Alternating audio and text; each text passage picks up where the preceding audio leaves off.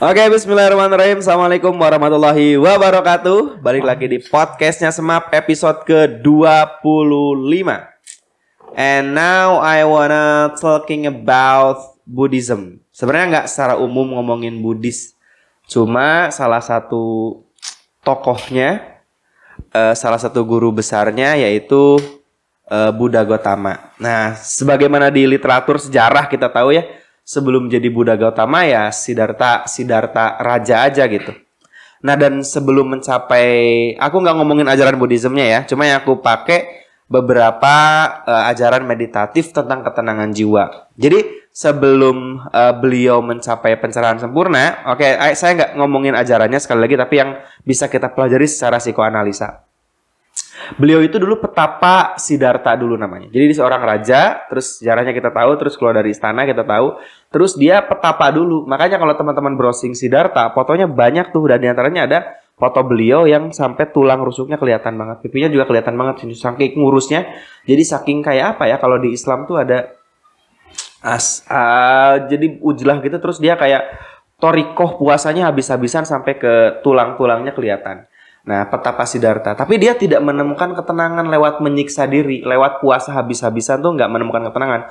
Justru beliau menemukan ketenangan itu ketika semuanya balance, makan seimbang, kesehatan seimbang, terus juga gerak tubuh, olahraga juga seimbang.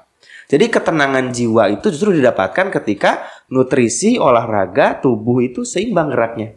Jadi ketika kita agak susah ketika pengen tenang jiwa sementara asupan gizi juga olah kurang olahraga juga nggak nggak bagus. Nah dari situlah aku premisnya e, dari situ dulu bahwa ternyata ketenangan jiwa itu salah satu faktornya adalah dengan fisik yang bagus, dengan kecerdasan kinestetik yang bagus. Itulah kenapa kalau teman-teman sekarang kebanyakan rebahan nih sehari bisa berapa jam scroll TikTok, scroll IG, ya nggak tahu kenapa nggak fit aja. Terus pikiran kita jadi kotor gitu. Nah, tapi kalau kita keluar, kita running terus kita yang nge-gym, nge-gym main bola, futsal atau cuma running keliling komplek, keliling jalan umum aja, ketenangannya beda. Sama beda beda banget kalau teman-teman rebahan dua hari di kamar tuh gelisah muncul suuzon uh, segala macam pikiran negatif tuh datang. Jadi oleh karena itu uh, aku mau ngundang seorang siswa yang dia tuh bagus banget apa kinestetiknya olahraganya sehingga aku lihat kayaknya dia seimbang banget dalam pergaulan di sekolah uh, pelajarannya bagus terus juga sosialnya juga bagus terus pengembangan dirinya bagus karena kita mau nggak mau SMA tuh masanya fluktuatif tuh naik turun. Emosi banget, seneng banget, sakit hati banget, cita-cita banget, ah, fluktuatif. Jarang banget orang yang terkendali. Dan pada siang hari ini aku mengundang orang yang menurut aku sendiri stabil secara emosi gara-gara dia mengolah tubuhnya dengan bagus. Ini dia Ang Fuad. Assalamualaikum. Waalaikumsalam. Saya Ang Fuad. Alhamdulillah. Oke, Angkuat makasih udah datang ke sini di sela-sela aktivitas Angkuat yang lulus ya tahun yeah. sekarang ya dan mungkin lagi prepare untuk uh, pergi ke going to college ya kampus impian. Dan bisa dilihat kan kalau aku obesitas banget kalau Angkuat tubuhnya tegap banget bagus banget gara-gara rutin olahraga. Nah, Fuad aku dulu waktu muda sekarang udah om-om aku nggak sedoraemon ini dulu juga tubuhnya nggak sedora karena dulu tuh aku ikut karate kayak gitu-gitu. Cuma karena sekarang nggak tahu kenapa ya maksudnya uh, jarang diolah lagi jadi akhirnya aku segembrot ini. Dan aku jadi ingat wah Ang Fuad nih bisa jadi bisa jadi pemantik memori aku ketika aku waktu masih muda dulu. Ang Fuad, ceritain dong, eh, Ang Fuad olahraganya suka apa aja, terus yang aku obrolin tadi, apakah benar ngaruh ke mental dan lain-lain? Monggo Ang Fuad.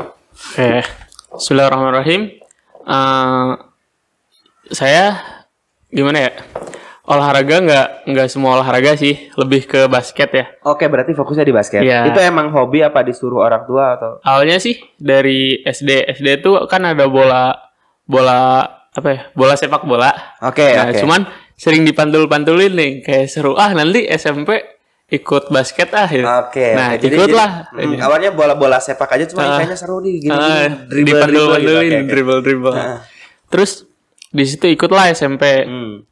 Alhamdulillah dapat prestasi-prestasi. Berarti juga. langsung basket kan? Nggak main yeah. bola terus di dribble jadi hand nantinya. Enggak. Oh, enggak. Berarti langsung basket. Oke, okay, yeah, yeah. ya, Enggak mungkin prestasi juga kan pas uh. main bola terus di tepak gitu. Berarti langsung basket ya? Yeah. Oke. Okay. Berarti langsung gimana? Langsung suka banget apa gimana? Suka sih uh, sebelum ke basket waktu SD itu emang ada ekskul gitu. Hmm. Ekskul buat fokus ikutan lomba di bola sepak bola. Oke. Okay, okay. Cuman ngerasanya kayak kurang kurang pas gitu. Oke. Nah, terus ada bola kan di situ ada bola football Oke. gitu. Ditepak-tepak kayak enak gitu asik. Terus nyoba ikut SMP, alhamdulillahnya bisa buat ngelanjutin gitu, ngelanjutin jalur prestasi gitu. Terus pas SMA-nya masuk ke sini. Oke. Tapi di sini kan nggak nggak terlalu basket gitu. Oke Nggak- oke. Basketnya nggak- iya. berdikari lah ya Mas. Iya, harus iya. harus Ang Fuad yang mulai dulu Iya. ke lapang apa sebelum nanti ada Kang Fikri juga yang nge-mentor segala macam Iya. gitu. Nah di situ teh mikir juga ah ah, daripada nggak basket gitu nggak olahraga mending basket aja sendiri nggak apa-apa oke, gitu oke. ikut ke sekolah lain atau Hmm, gimana iya, iya. gitu. Jadi tetap hobi basketnya tuh nggak dimatiin, nggak Iya. dipademin. Jadi kadang di sini kalau misalkan ada lapang kosong ikut juga. Terus kalau ada klub lain juga ikut juga. Iya. Oke. Ahmad ada faktor eksternal nggak? Maksudnya kayak didorong film slam dunk atau Kurokono basket atau apa gitu? Enggak sih Oh, nggak ada? sebenarnya bahkan waktu itu teh disuruh milih jersey ya Hmm. nomor ah mau nomor berapa gitu Oke. Sorry jari siapa nih? jersey basket Oke. ya mau nomor berapa katanya Eh, nggak tahu om gitu kan Hmm. manggil ke coachnya om Oke. Eh, atau om terus teh bingungan omnya ya udah tanggal lahir kamu berapa Hmm. tanggal 23 eh ternyata waktu ke sini ke sini lihat pemain-pemain NBA 23 itu Jordan gitu Oh, asa oke. wah sama nih Ah, iya, iya, iya. Karena memang aku balik lagi ngomong the law of attraction ya. Bahwa semua angka huruf itu ngandung energi. Dan ya banyak orang yang percaya maka itu ada ada feng shui ada ilmu falak segala macam. Karena setiap nomor angka huruf aja dia punya energi. Kayak aku aja eh, ngobrolin kayak kemarin aku nikahan gitu aku nyari bait alfiah yang sakral 8 karena dia nggak putus angkanya. Terus 8 itu adalah kalau dalam Jepang itu hachi. Ada tahu hachi kan? Hachi dog story. Ya yang di yang di ya yang di apa? Shibuya Hachi itu artinya 8 8 itu adalah angka yang dari surga sini turun ke bumi naik lagi ke surga. Dia nggak putus. Jadi aku percaya kalau angka simbol itu tuh ya bukan berarti dia sakti enggak itu itu sifat rohmani Allah yang tersebar di antariksa di seluruh semesta dan di antaranya juga lewat angka. Ini nyambung ke angka aja buat tadi Iya. angka 23 tuh ya nggak sembarangan. Nah. dan orang-orang keren di NBA nggak mungkin 23 asal-asalan aja tapi pasti punya filosofi tertentu gitu. Jadi dipakai sampai akhirnya sampai sekarang. Iya Oke oke bagus bagus keren banget. Terus apa lagi dong? Eh, berarti bener nggak ada faktor eksternal, nggak ada terinspirasi dari pemain basket siapa? enggak sih Berarti bener-bener ya internal aja seneng aja gitu. ah senang Oke, aja gitu sip, bagus. terus kalau dulu pernah gitu waktu awal-awal ke sini kan nggak basket gitu Oke. badan teh asa kerasa nggak enak Oke, gitu heeh. kayak sering pegel-pegel Oke, gitu kalau olahraga kan sering dipakai stretching Ah, gitu. oke. jadi nggak pegel enak lah gitu Iya jadi karena faktor habit sih kayak di sini ada guru Pak Ade kan. Iya. Beliau itu hobinya tahajud. Kalau nggak tahajud sehari itu kayak pargel gitu. Jadi Iya. emang selalu tahajud ya Pak Ade gitu ya. Nah, kalau nggak kelewat sehari itu langsung nggak nggak enak badan karena Iya. eh, ho- habit ya Pak Ade Iya. ya sudah sudah kebiasaan. nah buat ya karena yang namanya rutin itu ada namanya bayak clock. Bayak clock itu jam tubuh. Jadi kayak aku misalkan seminggu nggak ngegambar atau seminggu nggak stand up komedi atau bikin sesuatu yang aku seneng tuh agak agak ke kepala tuh agak aneh aja gitu rasanya. Jadi ya habit karena udah jadi banyak clock juga udah apa. Nah, Fuad eh, dari basket ini itu aku nggak bener-bener nggak tahu basket tuh kayak gimana. Bedanya sama bola atau fisiknya jauh lebih capek mana, Fuad? Menurut aku ya yang, yang praktikal. kalau menurut Fuad sih basket hampir yang multi gitu kalau football kan lebih ke ngelatihnya teh kaki gitu. Oke oke Nah. karena kar- katanya foot Ah. film adanya. Jadi kaki yang Iya, iya. oke. lebih ke kaki ya. Terus kalau volley lebih ke loncatannya Oke. gitu. Bulu tangkis tangannya nepaknya. Nah, Oke. Kalau basket tuh larinya dapat gitu. Oke. Kecepatan kakinya dapat, Oke. loncatannya dapat, terus tangannya buat shooting dapat, terus badan untuk benturan kan Oke. semakin kecil lapang semakin sering benturan gitu Oke. otomatis ya. Hmm. Jadi kayak hampir semua olahraga kayak ada gitu di basket. Oke, oke. Enak semua tubuh dari Tubuh tuh bisa bisa Eh, kelatih. kelatih Bisa semuanya. Kecuali telinga mungkin ya agak susah. ya, ya tapi kan semua tubuh kelatih. Aku tuh bener-bener nggak tahu basket Ahmad kecuali ya dari anime itu Iya. no Basket, Kuroko, Shonen Sendai. Meskipun too much ya kalau anime kan ya selebay itu gitu. Tapi tapi ya tapi asik dan asik aja. Tiap orang tuh punya kemampuannya masing-masing. Ada yang jago di shootnya ada yang jago di dribblingnya ada yang jago di kecepatannya ada yang jago bagian copy paste kemampuan orang. Seru banget itu. Jadi suka suka keren aja lihat anak SMA jago main basket. Terus itu stereotype kan. Jadi lamun orang nonton film ya di film-film tuh biasanya cowok gantengnya tuh dewa basket biasanya. Cewek-cewek pada wah gitu. Iya. Gak tahu kenapa itu siapa dulu yang bikin film awalnya gitu. Jadi sekarang jadi kayak cowok idaman SMA tuh yang jago basket. Gitu. Padahal di rumah tangga mah dengar oke gitu. Jadi eh, Bapak can Master Token awios mah ada Bapak mah jago basket gitu. Gak, gak ngaruh juga ya ya tetap ya maksudnya tapi tapi SMA itu ya ya yang cowok keren tuh basket. Basket dan akuat kayaknya kalau di FTV pemeran utama sih jago basket di sekolahnya pinter terus pengendalian tubuhnya bagus Eh. Mungkin ngomong-ngomong yang Kuroko gitu. Kuroko basketball itu teh sebenarnya banyak si tokoh-tokohnya ngambil dari pemain NBA. Oke, kayak oke. kayak yang ngedang teh uh, ringnya patah gitu. Itu Oke, teh oke. ambil dari O'Neal kan. Oke. Terus Kobe Bryant Hah. di dianalogikannya di situ teh ke yang rambutnya abu-abu teh siapa? Oke, oke. Siap. Aku juga lupa. Lupa lagi itu lah. Ada inget nggak Pak Ade? Yang paling jago gitu. Topik hidayat Banyak Oh, sih. bukan, Pak. Iya, ya. Jadi emang Emang ya, aku aku yakin kreatornya juga dia dia lihat kejadian apa Hmm. langsung secara live di NBA itu kayak kayak gimana. Makanya banyak sesuatu yang kayak di luar nalar tapi kejadiannya bener juga gitu. Bener gitu. Bener beneran kayak gitu. Asik-asik dulu dulu banget tuh Slam Dunk lebih tapi aku nggak nonton karena itu anime jadul banget. Iya. Tapi kalau Kuroko aku nonton. Bagus banget. Angfuat Angfuat tubuhnya kan tinggi banget nih. Maksudnya usia SMA tubuhnya terhitung tinggi. Apakah ngaruh banget dari basket atau emang gen dari orang tua, Pak? Apa dua-duanya? Aku nggak tahu. tahu sih dari SD emang pengen nih tumbuh tubuh teh pengen tinggi gitu Oke. soalnya ada teman yang beda sebulan tapi dia lebih tinggi ah orang orang kudu kudu bisa gitu Oke, lebih tinggi gitu terus teh desain mah beli susu atau mah gitu biar Oke. tinggi gitu terus teh rajin skippingan Aha. SD mah terus ikut basket alhamdulillah lebih tinggi lebih tinggi terus teh Oke. waktu datang ke Darus juga Sorry, dia basket basket tidak apa posisinya? Basket jadi apa Eh, sorry, sorry. nomor sorry. tiga Apa tadi volley apa? basket Oh, basket. Jadi Iya. apa? jadi Aku nggak tahu nama-namanya. small forward Hah? small forward Ini tuh itu di di mana? Kalau di bola tuh apa sayap kiri, sayap kanan, back atau gimana ya Coba coba. coba. Eh, kalau di bola kan striker teh yang sering masukin gitu Oke, ya, oke. yang paling depan. Oke. Kalau basket mah hampir semuanya sering masukin gitu. Oke, berarti Cuman- punya peluang yang Ah. sama gitu. Cuman posisinya ada fungsi-fungsinya beda. Oke. Kalau point guard lebih ke ngatur permainan gitu, ngejalanin pemain yang empat lain gitu. Oke, oke. Nah, kalau yang kedua shooting shooting guard. Oke. Lebih dia teh Nembak ngelatihnya gitu. fokus Oke, ya, oke, oke. nembak. Terus small forward aku gitu. Oke. Terus itu, Itu teh small forward buat buat apa? tugasnya lebih ke nerobos gitu. Oke, oke. Kan oke. Notice. Pertahanan gitu. Terus bi- harus bisa nerobos gitu. Oke, oke. Terus yang posisi 4 eh, power forward, dia Oke. teh tugasnya nge-rebound. Oke. Kayak kalau ada yang shooting gitu nggak masuk harus diambil lagi sama dia gitu. Oke. Bisa ngadu awak gitu. Oke. Terus yang kelima center. Oke. Biasanya yang paling tinggi gitu. Dia tuh buat apa? Buat di dalam kayak orang yang paling gede kan mainnya lebih lambat gitu Oke. ya. Nah, jadi mainnya deket ring lebih ke Lebih ke kiper mungkin ya kalau di aku nggak enggak sih. Oh, enggak. Cuman dia teh kalau yang kecil-kecil kan kayak shoot small forward Oh, oke. itu teh nerobos-nerobos. Nah, Iya. harus cepet.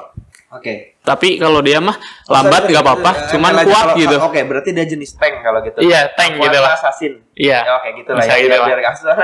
Pusing sih ya, emang, ya. Ah, oke oke oke. Ya, itulah ya. Asiknya kita yang awam dengerin orang ngobrol yang ini tuh kayak keren karena kita nggak tahu kan. Wah, iya ini ini ini, ini gitu. Iya. Asik. Nah, angkot angkot yang yang Fuad rasa ini selain selain sehat segala macam memang beneran ngaruh nggak sih ke pengendalian? Soalnya kita lihatnya ya kayak para pendidik silat Fuad tuh karena mungkin olahraganya teratur dan juga banyak faktor lain jadi terkendali aja secara sikap ngam jadwal apa segala macam juga lebih teratur.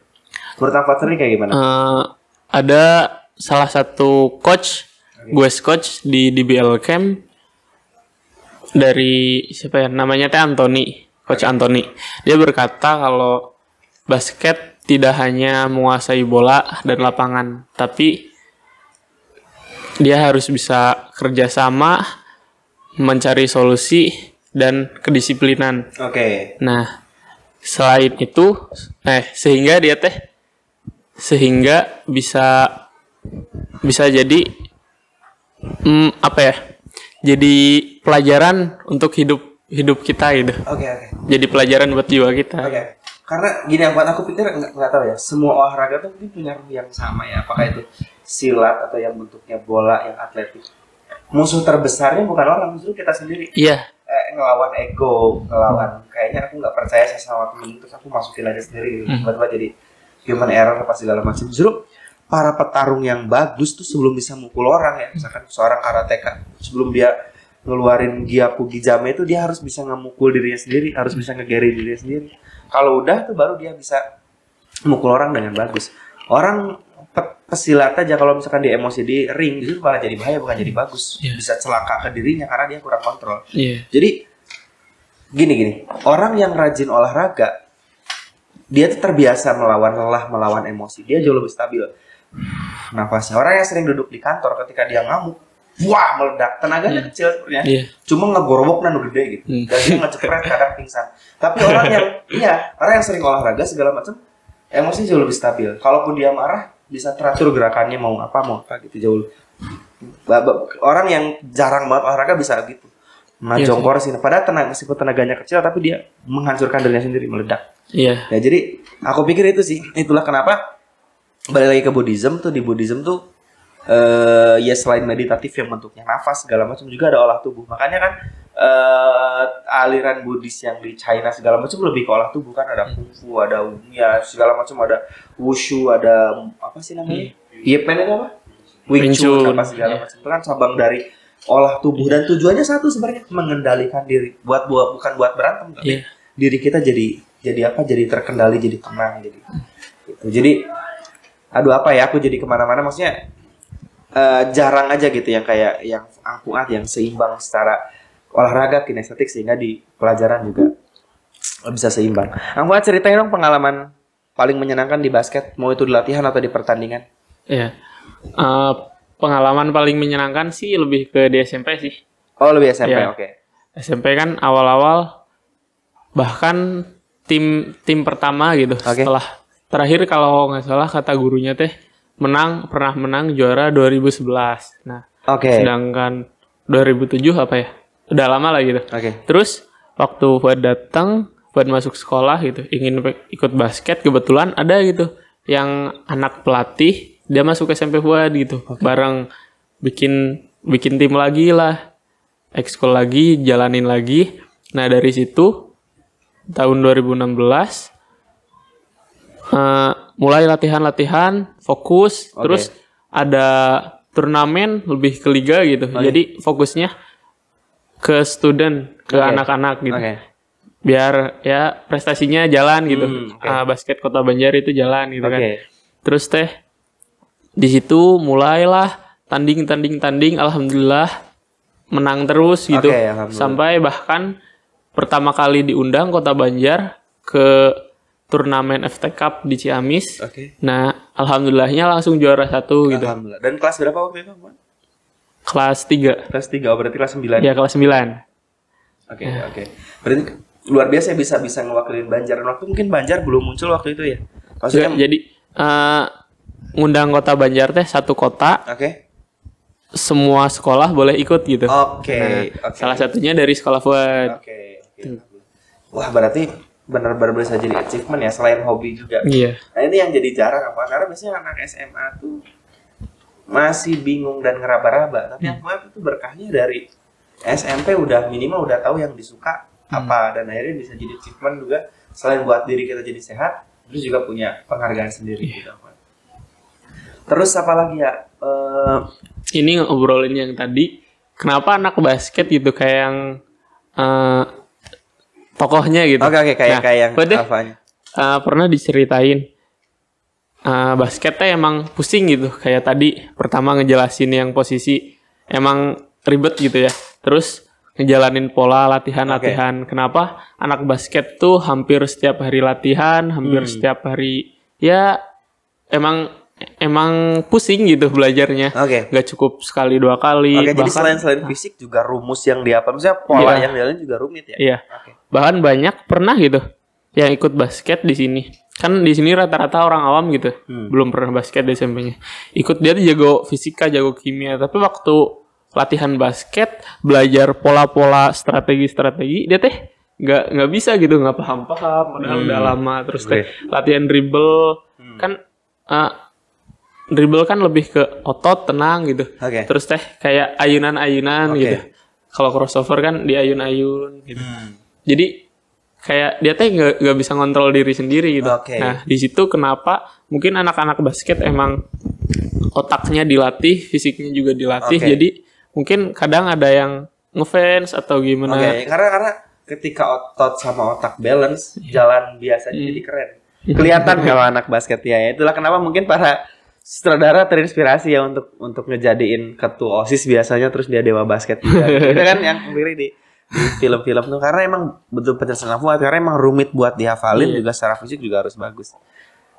Ang Fuad em, kalau ad- ada nggak sih kayak trouble apa masalah atau kejadian latihan yang dirasa berat banget sampai kayaknya aku keluar dari basket itu pernah terlintas nggak sih apa apa belum pernah belum pernah ada. Hmm, pernah mau.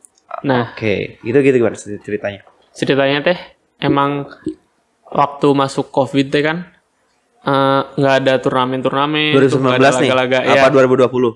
2019 masih ada Oke. mau ikut, Oke. cuman Fuadnya study tour. Jadi yang Oke. Hmm. lain yang lain di sini ikut. Nah sedangkan Fuad nggak main gitu. Yang itu ke mana sih ke Ke Bali ke Bali? Oh, Iya. kuat oke. waktu masih kelas 10 Oke, oke. Iya. Terus dari situ eh, itu terakhir dan Fuad nggak ikutan. Oke. Ya kayak ah, sedih banget gitu udah latihan nggak ikutan terus teh dua setahun setengah dua tahun sampai eh, kapan gitu. Jadi lama gitu Hmm. latihan latihan tanpa ada pertandingan gitu kan bosen nah dan titik paling berat seorang atlet itu titik jenuh Oke. kayak yang tadi berat harus ngelawan diri sendiri itu uh, ngelawan titik jenuh sih Hmm. Oke. lebih gitu jadi kalau semangatnya udah mulai turun gitu harus ada disemangatin lagi Hmm. atau uji coba uji coba jadi untuk seorang atlet tuh butuh menang sering menang dan sedikit kalah untuk evaluasi gitu. Oke, oke. Gitu. Iya, jadi kayak percuma gitu latihan-latihan tanpa tanding kan Iya, iya. boring gitu Oke. Terus kalau tanding kalah mulu juga ya. Iya, jadi jadinya ngedown gitu. Iya, ya, jadi ngedown juga ya. Eh tapi aku kan suka nonton anime selain Kuroko. Oh selain Kuroko. Tentang tentang basket ada gak sih maksudnya yang lain? Karena menurut aku pribadi cukup nginfluen loh. Maksudnya aku aja yang nol banget tentang basket Minimal semangatnya bisa nyampe Persahabatnya bisa nyampe Gregetnya bisa nyampe. Meskipun aku nggak tahu basket sama sekali. Nah menurut aku bakal beda nih efeknya Kalau aku seorang atlet terus nonton itu Kayaknya Menurut aku pribadi ya. Terus si Kuroko kan bukan alpha ya Maksudnya dia cuma kekuatan ngoper doang itu namanya Iya. apa Dia juga Kayak- ke- kekuatan kayak juga ngilang gitu Iya ya, kayak ngilang tiba-tiba apa Karena hawa keberadaannya juga kecil. Tapi dari situ kita bisa justru kalau nggak ada si apa namanya? Kuroko. si Kurokonya justru yang lainnya nggak nggak terkoneksi. Justru dia yang jadi koneksi ke teman-temannya. Dan itu yang jadi penting. Jadi ketika ini menurut aku ya ketika semua di lapangan itu bintang tapi semuanya saling musuhan mm, nggak ada teamwork juga nggak nggak Iya. bagus jadi anak Fuad nih se- sebagai seorang atlet yang beneran suka basket susah nggak sih ngejalin kekompakan itu pas tanding di lapangan Susah banget. Nah coba coba Apalagi- ceritain pernah kayak gimana? Pernah kan eh, suatu ketika buat ikut turnamen dan udah latihan Hmm. gitu. Yang lain juga udah latihan ya siap-siap gitu. Tapi yang kunci kemenangan kan nggak jauh dari mental gitu. Oke. Apalagi teman-teman teh dari sini belum pernah tanding seumur hidupnya gitu. Oke. Di pertandingan kan hawanya beda. Hmm. Jadi ada supporter dari musuh lawan Hmm. tuh oh asup tuh asup atau gimana Oke, gitu kan. oke, oke. Jadi gemper, Oke. jadi pikiran teh nggak fokus gitu. Hmm. Di situlah udah mulai ngaco gitu gerakan-gerakan ngaco. Jadi ya udah nggak ingat semuanya Hmm. Oke. gitu kayak nggak dilatih gitu. Oke oke oke oke. Wah itu yang kuat ya. Waduh eh, teman-teman eh, kita sudah setengah jaman ya. Eh, aku mau karena teman-teman kita nggak cuma ngobrolin basket. Eh, Ang Fuad makasih banyak udah ngobrol dan juga berbagi tentang premisnya tadi gimana kalau seorang sering ngelot- apa ngelatih otot tubuh juga otak kepribadian juga bakal stabil. Jadi bagi teman-teman yang mungkin sering banget gelisah, galau, kadang juga cemas tapi juga nggak tahu sebabnya apa, aku pikir nggak ada salahnya untuk teman-teman keluar pakai sepatu olahraga terus lari atau gerak apa aja biar teman-teman stabil untuk emosinya. Kalau teman-teman punya masalah gede lari aja teriak-teriak di jalan juga nugelo. Wah, nanti tiba-tiba bakal tenang-tenang dengan sendirinya. Fuad makasih banyak. Tapi sebelum itu Fuad, Fuad ini kemarin ya karena buah dari olahraga tadi terus tenang Fuad keterima di mana sekarang? Alhamdulillah keterima di Politeknik Manufaktur Bandung. Alhamdulillah alamin. Nah, itu jalur apa? Jalur SNMPTN. Oke, Saya alhamdulillah. Oke, oke, alhamdulillah. Jadi Alhamdulillah. eh apa ya? Itu mungkin banyak faktor cuma mungkin yang tadi juga ngaruh banget. Ang Fuad itu pilihan pertama ke situ apa? Iya, Pilihan pertama dan masuk. pertama dan masuk. Oke, alhamdulillah. Bahkan pilihan keduanya juga ke situ. Pilih kedua juga ke Iya. situ. Oke. Nah itu ya, Eh, ya keren sekali Ang Fuad ya. Jadi kalau Ang Fuad jadi pemain sinetron harus jadi pemeran utamanya kalau. Amin. Ang Fuad untuk yang terakhir banget nih karena udah 30 menitan lebih Ang Fuad boleh dong share ke teman-teman yang mungkin masih males-malesan atau atau yang suka olahraga tapi kadang nggak punya niat atau apa pun itu yang Ang Fuad bisa dapatkan manfaatnya dengan olahraga dengan dengan ketenangan. Boleh ke teman-teman share. Apa ya? Eh, buat teman-teman yang banyak pikiran gitu, salurin aja ke olahraga gitu. Di olahraga kalian bisa sepuasnya menyalurkan itu semua. Oke. Kayak kayak curhat aja gitu. Oke, oke. Cuman kita lebih enak, lebih luasa Oke. buat kayak ya dribble-dribble sepuasnya gitu. Oke. Uh, capek gitu. Bahkan kalau lelah kan lebih ke enak gitu. Oke. Terus istirahat juga tenang Iya, gitu iya. kan. Jadi relax gitu ke, kitanya juga relax gitu. Jadi apa pun keluhan kalian, solusi terbaik dari Fuad sih olahraga gitu. Oke, oke. Oke. Kang Muat makasih banyak ya teman-teman itu sekali lagi jadi kalau teman-teman bingung overthinking mulu healing healing healing banyak duit malah makin terus. Menurut aku pribadi olahraga adalah healing terbaik karena paling enggak sesuatu yang jelek dalam tubuh bisa keluar lewat keringat, lewat lari dan juga lain-lain. Terakhir banget teman-teman, ini enggak seolah-olah nggak nyambung padahal nyambung. Aku kan seneng ekologi ya. Eh, ada yang namanya permaculture. Permaculture itu teknik pertanian acak adut. Acak adut tuh gini. Jadi sebenarnya dunia itu dulu nggak butuh pupuk. Gara-gara orang bikin kebun, kebun tuh tanaman yang homogen, tangkal cau unggul, kabeh tangkal cau akhirnya nggak seimbang akhirnya butuh pupuk. Padahal di hutan nggak ada pupuk karena tanaman yang gede, terus daunnya kering, terus dimakan mikroba jadi mushroom, terus ya, karena pupuk terjalin secara alami ekosistemnya kayak gitu. Bumi tuh nggak butuh pupuk kalau aslinya hutan. Nah, jadi permaculture ini teknik pertanian yang kayak hutan. Jadi belalang dibiarin capung nggak disemprot karena belalang juga punya hak, capung juga punya hak untuk kemakan makanan. Dan yang dimakan manusia itu nggak 100% itunya. Manusia hanya secukupnya aja. Jadi ketika kita makan secukupnya, nggak too much, nggak greedy, nggak serakah, tubuh kita bakal sehat. Itu pun kita harus nanamin permaculture dalam tubuh. Kalau kita tidur kebanyakan, makan kebanyakan, main HP kebanyakan, tubuh kita akan lagi untuk keluar, butuh pupuk. Sakit akhirnya. Tapi kalau misalkan kita literally kayak hutan, maksudnya seimbang, balance, eh, makan cuma seperempatnya dari tubuh, minum terus olahraga, nggak butuh pupuk, semuanya akan terjalin, sirkulasinya akan sehat. Itu teman-teman untuk pada episode hari ini, aku mau terima kasih banyak, sukses buat Siap. kuliahnya, sehat selalu dan semakin bersinar. Dan teman-teman sampai berjumpa di episode 26 ke depan. Hairul kalam, Wassalamualaikum warahmatullahi wabarakatuh.